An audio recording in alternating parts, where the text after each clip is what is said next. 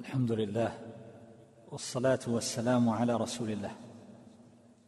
أما بعد فنواصل في هذه الليلة ما ابتدأناه من الكلام على المثل المضروب في قوله تبارك وتعالى أو كصيب من السماء فيه ظلمات ورعد وبرق.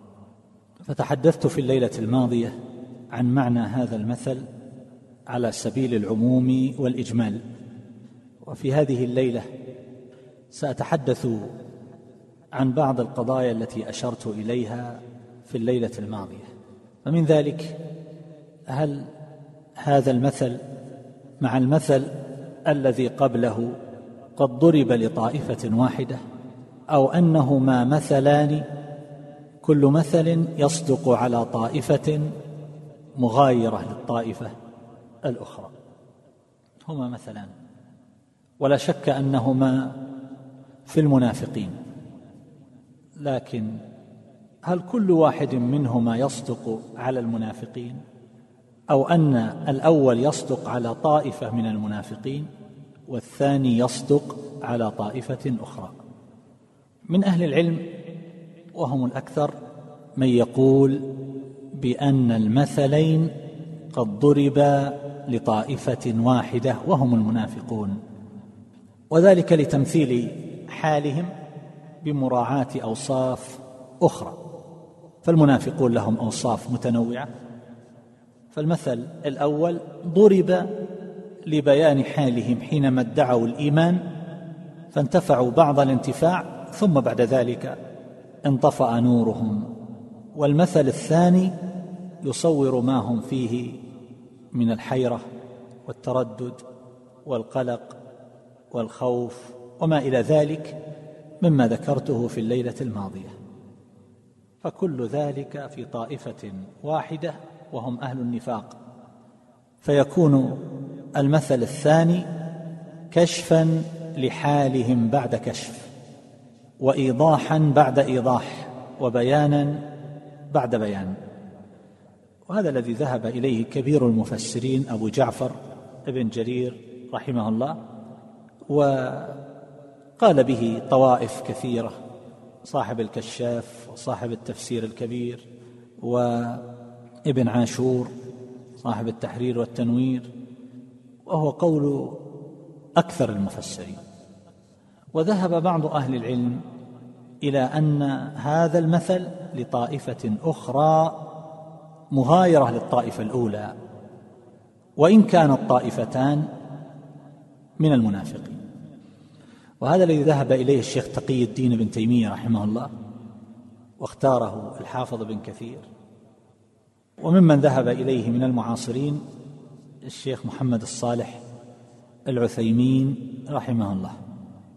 فمثل شيخ الإسلام ابن تيمية رحمه الله وابن كثير يرون أن هذا المثل الثاني هم لمن كانوا على النفاق ابتداء. ولا زالوا عليه. وأما المثل الأول فهو لقوم كان لهم إيمان ثم بعد ذلك صاروا إلى حال الظلمات. وسبق الكلام على حقيقة ذلك الإيمان هل هو إيمان حقيقي أو إيمان مزيف؟ وأن من أهل العلم من يقول بأنه إيمان حقيقي. لأن الله قال ذلك بأنهم آمنوا ثم كفروا. كما قال الحافظ بن كثير رحمه الله وبه يقول من المعاصرين الشيخ محمد الصالح العثيمين وذكرت هناك أن الأقرب أنه ليس بإيمان حقيقي وأن قوله تبارك وتعالى ذلك بأنهم آمنوا ثم كفروا أن المقصود الإيمان المدعى المزعوم. لا تعتذروا قد كفرتم بعد إيمانكم يعني بعد الإيمان الذي أظهرتموه. وإن لم يكن هذا الإيمان حقيقيا وإنما هي دعوى كاذبة. فالشاهد أن هؤلاء من أهل العلم من يقول إن الطائفة الأولى لقوم حصل لهم إيمان ثم انطفأ ذلك النور فصاروا في ظلمات لا يبصرون شيئا. والطائفة الثانية لا. هم في قوم كانوا على النفاق منذ البداية ولم يحصل لهم إيمان أصلا. ولذلك يقول شيخ الإسلام ابن تيمية رحمه الله بأن قوله أو كصيب هنا ليست للتخيير ولا للتسوية كما سيأتي. وإنما هي لثبوت أحد الأمرين. يعني مثلهم كمثل الذي استوقد نارا أو كصيب من السماء فذاك ينطبق على طائفة وهذا ينطبق على طائفة أخرى وليس ذلك للتخيير فهو يرى أنهم لا يخرجون عن أحد هذين المثلين. أما أن يصدق فيكون في البداية أظهر الإيمان ثم انطفأت أنواره أو أنه من البداية كان على النفاق. يا هذا يا هذا. ويرد شيخ الإسلام ابن تيمية رحمه الله على من قال إن أو هذه بمعنى الواو أو إنها بمعنى التخيير أو إنها بمعنى التشكيك فهو يرى أن التخيير لا يكون إلا في الطلب طلب الفعل أو طلب الترك تقول افعل هذا أو هذا ولا تكون في الخبر وأن هذا من قبيل الخبر مثلهم كمثل الذي استوقد نارا. وأن قول من قال بأنها للتشكيك يقول الأمثال يراد بها الإيضاح والبيان. ينقله من صورة معقولة إلى صورة محسوسة. لمزيد من البيان والإيضاح فلماذا يؤتى بما يدل على التشكيك؟ فإن هذا يصيره إلى نوع من الإبهام والمثل يراد به مزيد الإيضاح. ويذكر بعض الملاحظ في المثلين. يقول في المثل الأول قال عنهم صم بكم عمي. وفي الثاني قال يجعلون أصابعهم في آذانهم من الصواعق حذر الموت معناه أنهم يسمعون. وقال يكاد البرق يخطف أبصارهم كلما أضاء لهم مشوا فيه وإذا أظلم عليهم قاموا معناها أنهم يبصرون هذا بالنسبة للطائفة الثانية. وكذا قال ولو شاء الله لذهب بسمعهم وأبصارهم. معناها أن لهم سمع وأبصار. وكذلك أيضا قال في الأولين وتركهم في ظلمات لا يبصرون. فيقول في فرق بين الطائفتين. فالأول حال من كان في ضوء ثم صار في ظلمة وصار في غايه العمى ولا يسمع ولا يتكلم. صم بكم عمي.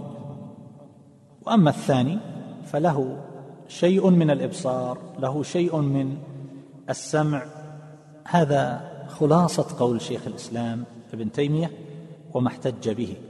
وعلى هذا فأي الطائفتين تكون أسوأ حالا الأولى أو الثانية؟ الأولى أشد. الأولى أشد لأنهم صم بكم عمي وهؤلاء يسمعون. لهم نوع سمع نوع إبصار. يجعلون أصابعهم في أذانهم من الصواعق. حذر الموت. لو شاء الله لذهب بسمعهم وأبصارهم. عكسه قال صاحب الكشاف. يقول الأول كان عندهم نور ثم صاروا إلى ظلمة. هؤلاء لم يحصل لهم هذا النور أصلا. وصاروا في غاية التحير. وأن ذلك على الطريقة المعهودة في التدرج من الأهون إلى الاغلظ والشيخ محمد الصالح العثيمين رحمه الله أيضا في تفسيره يرى أن الطائفة الثانية أشد من الأولى لأن الطائفة الثانية ما حصل لها إيمان أصلا. وابن كثير رحمه الله يرى أن الطائفة الأولى أشد. كما قال شيخ الإسلام ابن تيمية رحمه الله لأن الله قال عنهم صم بكم عمي. فابن كثير رحمه الله يقول بأن الناس على أقسام استقراء القرآن مؤمنون خلص وهم الموصوفون بالآيات الأربع في أول سورة البقرة. وكفار خلص وهم الموصوفون بالآيتين بعدها. ومنافقون وهم قسمان خلص وهم المضروب لهم المثل النار مثلهم كمثل الذي استوقد نارا. فصاروا إلى حال صم بكم عمي. هؤلاء خلص ما عندهم أي نوع من الإبصار. تركهم في ظلمات. فهؤلاء عند ابن كثير رحمه الله أنهم في أسوأ حال في غاية الكفر والضلال والظلمات. والطائفة الأخرى من المنافقين وهم المترددون. تارة يظهر لهم لمع الإيمان وتارة يخبو. وهم أصحاب هذا المثل المائي أو كصيب من السماء. فيرى أن هؤلاء أخف من الأولين. ثم يذكر نظائر لهذا. ما في سورة النور. ضرب الله مثل المؤمن وما جعل الله في قلبه من الهدى والنور كما سيأتي بالمصباح في الزجاجة التي كأنها كوكب دري وهو قلب المؤمن المفطور على الإيمان. وما يستمد من الشريعة الخالصة الصافية من غير كدر ولا تخليد ثم ضرب مثل العباد من الكفار الذين يعتقدون أنهم على شيء وليسوا كذلك وهم أصحاب الجهل المركب. بقوله الذين كفروا أعمالهم كسراب بقيعة يحسبه الظمآن ماء حتى إذا جاءه لم يجده شيئا. ثم ضرب مثل الكفار أصحاب الجهل البسيط وهم الذين قال فيهم أو كظلمات في بحر لجي يغشاه موج من فوقه موج من فوقه سحاب. فجعل الكفار على قسمين داعية ومقلد. وهكذا في سورة الحج ومن الناس من يجادل في الله بغير علم ويتبع كل شيطان مريد. وفي الآية الأخرى ومن الناس من يجادل في الله بغير علم ولا هدى ولا كتاب منير. وبناء على هذا فالمؤمنون مقربون وأبرار والكفار دعاة ومقلدون.